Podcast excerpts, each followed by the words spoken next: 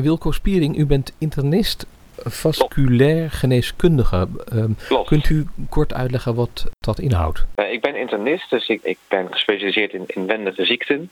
Binnen de interne geneeskunde zijn er diverse subspecialismen of aandachtsgebieden, zoals wij die noemen.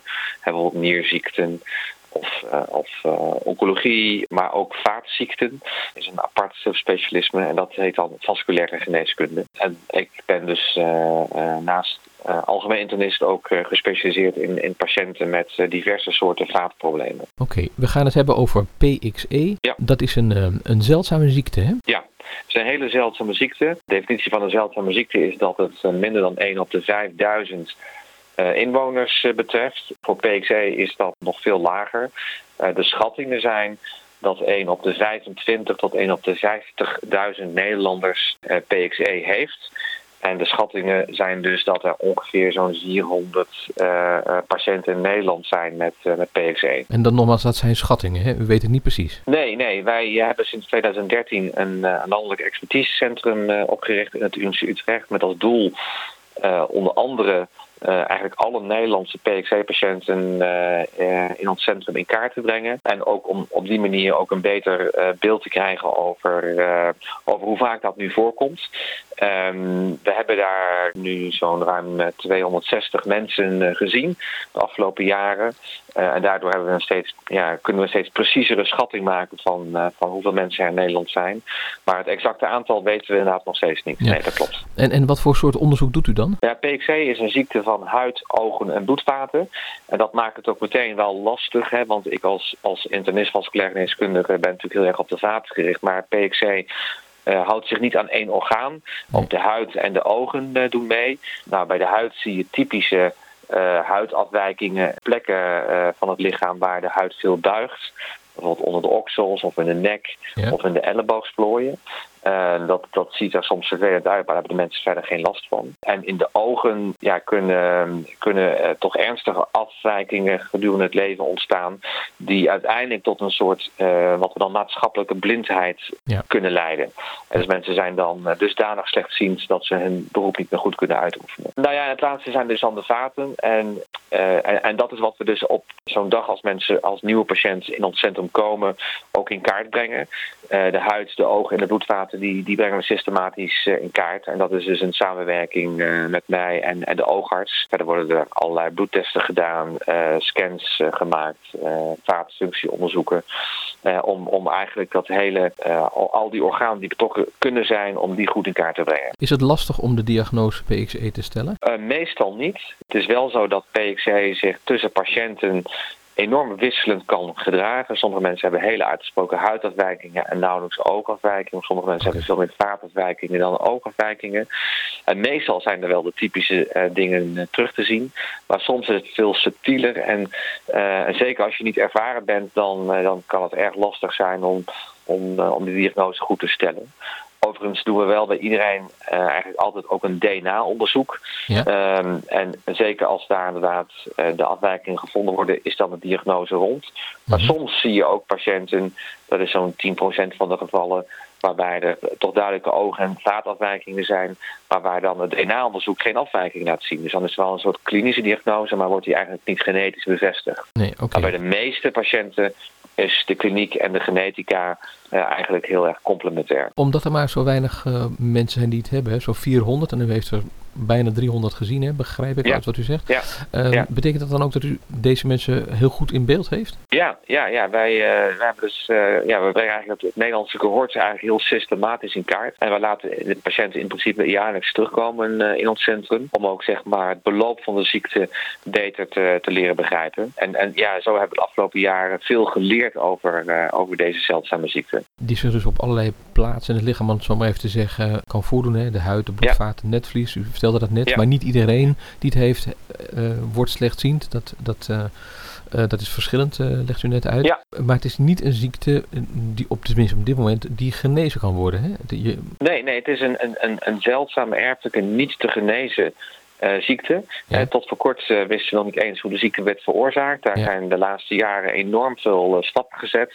Inmiddels weten we welk, welk gendefect is en wat daar het gevolg van is.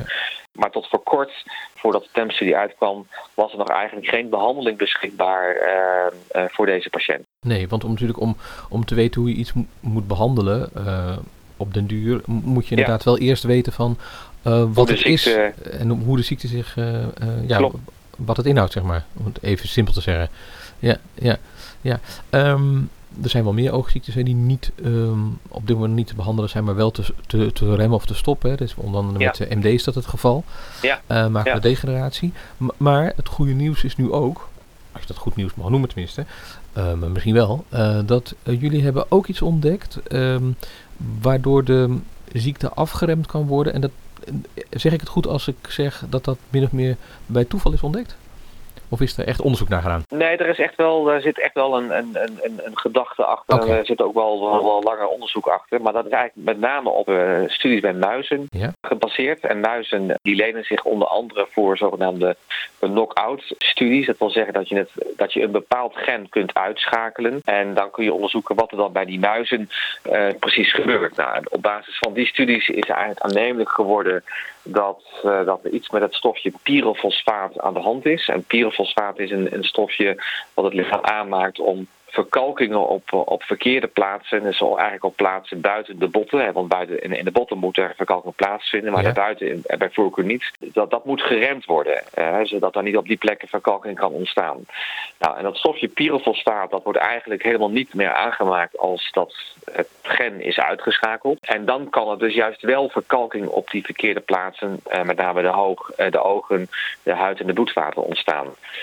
En, en wat verder uh, uit die muisstudies is gebleken dat dan bisfosfonaten en dan met name etidronaat als, uh, als bisfosfonaat, dat die in staat zijn om, uh, om dan de verkalking af te remmen. En dat komt omdat etidronaat heel erg lijkt pyrofosfaat. Dus eigenlijk geef je een een uh, pyrofosfaat in, in een bepaalde vorm dus weer terug mm -hmm. met het geven van etidronaat.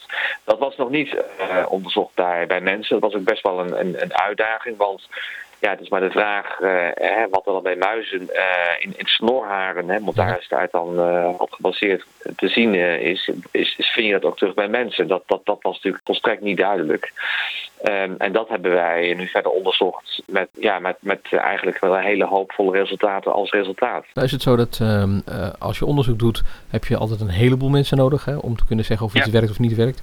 Maar ja, ja, jullie hebben maar bijna 300 patiënten en misschien, ik weet niet op hoeveel mensen het is uitgeprobeerd. Is dat dan nog wel wetenschappelijk verantwoord? Ja, dat is een hele terechte vraag. En daar, daar het natuurlijk ook wel mee van wat, wat ga je dan gebruiken uh, als uitkomstmaat uh, om te onderzoeken of, of een bepaalde behandeling werkt of niet werkt. Ja. En we hebben er uiteindelijk toen voor gekozen dat, uh, dat verkalkingen van de bloedvaten, dat kunnen we eigenlijk vrij nauwkeurig meten. Uh, en dan heb je relatief weinig patiënten nodig om te kijken of iets werkt. Maar zaken in de ogen, die, die, die lenen zich veel minder goed om, om dat goed te kunnen onderzoeken, zeg maar. Dus dat is nog wel een dingetje om eens even zo te zeggen. Dat was een uitdaging. Van tevoren ga je natuurlijk allerlei berekeningen maken en dan doe je schattingen op wat het effect dan zou zijn en hoeveel mensen je nodig hebt. En we noemen dat een powerberekening. En toen hebben we uiteindelijk uh, zijn we uitgekomen dat we dan 74 mensen uh, nodig zouden okay. hebben in totaal om, uh, om te onderzoeken of dit medicijn inderdaad uh, verkalkingen in de bloedvaten weet, weet af te remmen. Ik begrijp, dat is het geval. Ja, wat we, wat we zagen, dat, dat de mensen zijn een jaar lang behandeld met ethyronaat of met placebo. Dus mensen wisten niet welke behandeling ze kregen. Nee. Wij als, als artsen en onderzoekers wisten dat ook niet. En, en na dat jaar bleek inderdaad dat de verkalkingen in de bloedvaten wat waren toegenomen bij de mensen met de placebo-behandeling, met de netbehandeling. En bij de mensen die behandeld werden met etidronaat zag je een lichte afname. Maar netto was er een, een duidelijk verschil ja. tussen de mensen met behandeling versus de mensen die placebo kregen. Ja, nou is het, uh, het punt natuurlijk, er zullen mensen zijn die zeggen van nou geef mij dat medicijn dan maar, hè, want dan wordt het in ieder geval geremd. Maar het medicijn is niet in Nederland verkrijgbaar, of niet meer, hè? Nee, niet meer inderdaad. Ethitonaat is, is, een, is een oude bisfosfonaat. Dat zijn medicijnen die gebruikt werden, of wel wil ze ook nog worden, voor de behandeling van botontkalking, osteoporose. Maar dit is een vrij oude uh, bisfosfonaat en de fabrikant vond het uh, financieel niet meer interessant om het op de Nederlandse markt te houden. Dus uh, een paar jaar geleden is zeg maar de licentie ingetrokken en bestaat er dus geen handelsvergunning meer, zoals dat dan heet, om dit medicijn in Nederland te mogen uh, voorschrijven. Uh, dus het is formeel een niet uh, bestaand, niet geregistreerd geneesmiddel in Nederland. bestaat het nog wel in het buitenland? Ja, er zijn nog een paar landen in Europa waar dat nog wel wordt, wordt voorgeschreven, waar het nog beschikbaar is.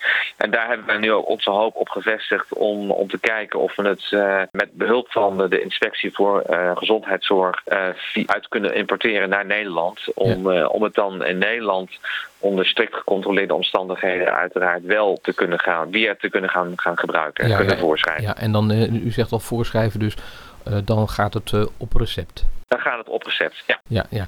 Maar het zit dan niet in de, de zorgverzekeraar die vergoedt het Nee, niet? nee. Dus uh, omdat het een niet geregistreerd geneesmiddel nee. is, zit het niet in het basispakket, zeg maar. Uh, en zal het daarom ook niet door, uh, door zorgverzekeraars waarschijnlijk vergoed gaan worden. We gaan natuurlijk dat wel proberen. Ja. maar ja, formeel hoeven ze dat niet te vergoeden, nee, inderdaad. Oké, okay, formeel hoeft het niet. Je hebt ook nog de aanvullende verzekeringen, die zijn er ook nog. Ja, zou, het, ja. zou het daar nog onder kunnen vallen? Bij, uh, ja, dat, dat, dat weten we nog niet. Nee. Uh, we denken de overigens dat het medicijn niet heel duur zal zijn. Het okay. zal hoogstens 200, 300 euro per jaar is de schatting uh, ja. zijn. Dus dat zijn niet extreem hoge bedragen. Maar goed, nee. we gaan toch proberen om dat wel met de zorgverzekeraars uh, geregeld te krijgen. En ik denk natuurlijk ook dat het ook belangrijk is, is dat het dan dat het beschikbaar is hè, voor mensen. Dat, dat ze ja. eraan kunnen komen ja. op de een of andere manier. Ja. Ja. Ja. Ja. want dat blijft natuurlijk wel een beetje een probleem. We hebben het al eerder gezegd in dit interview. Um, er zijn niet zo heel veel mensen die PXE hebben, dus in Nederland niet, maar ook wereldwijd niet, denk ik. Hè? Want, dus je ziet natuurlijk bij, bij allerlei um, onderzoeken dat er internationaal wordt samengewerkt. Dat zal misschien hier op dit gebied ook wel zo zijn. Maar ja, ja het is um, uh, dun gezaaid, denk ik. Klopt. En, en, en daardoor voor fabrikanten eigenlijk niet, uh, niet interessant. Dus we zijn nu uh, druk bezig met, met een aantal bedrijven om te kijken of, of zij toch geïnteresseerd zijn om uh, zeg maar, ons te helpen om een regist officiële registratie op dit middel te gaan krijgen. Hè. Dus, dus een registratie voor de behandeling van PXE. Hè, daar zullen dan ook ministeries voor nodig zijn. Daar is dan ook weer geld voor nodig hè, om die onderzoeken te gaan doen. Ja. Maar als die registratie er is, ja, dan kunnen die bedrijven dan, uh, dan in de toekomst daar wel een soort vergoeding voor gaan krijgen. Maar ja, de vraag is of bedrijven ja, alle moeite die ze daar nu voor moeten nemen, of ze dat wel uh, ja, ja, de moeite waard vinden, zeg maar. En dat maakt het erg lastig. En dat is natuurlijk het dilemma waar, waar veel zeldzame ziektes mee te maken hebben. Dat er op zich misschien wel uh, interessante ontwikkelingen zijn qua behandeling, maar dat het uiteindelijk voor fabrikanten weinig interessant is, omdat het volume, omdat het aantal patiënten gewoon heel, heel laag is. Ja, wat je, wat je wel eens ziet natuurlijk bij medicijnen, dat medicijn wat voor de ene ziekte werkt, werkt ook voor de andere ziekte. Is dat ook nog een, ja. een, een, een iets wat zou kunnen meehelpen? Ja, dat is een hele goede. Dat is ook een beetje de hoop die we hebben, maar ook daar moeten we natuurlijk meer onderzoek naar doen, ja. dat, dat, dat er misschien een bredere groep patiënten, bijvoorbeeld mensen met vaatziekten en ja. verkalkingen, ja. dat, dat het daar ook wel uh, voor zou kunnen uh, werken. En, en, ja, en dan is het er een grotere groep en dan is het voor fabrikanten misschien wel interessant. Dus daar, daar zijn we ook heel goed naar kijken of, of, of er via die route zeg maar uh, ja, een groter marktaandeel te creëren is voor, voor bedrijven. Prima, dat vind ik een mooie om mee af te sluiten. Het onderzoek gaat gewoon nog verder natuurlijk. Hè? U bent niet, ges ben niet gestopt, hè? nee, nee, nee, nee, we, zijn nog, we gaan verder, vrolijk verder. moet nog heel veel onderzocht worden. Ja, oké. Okay. Nou, voor dit moment vind ik het mooi om af te sluiten. vriendelijk bedankt. Oké, okay, prima.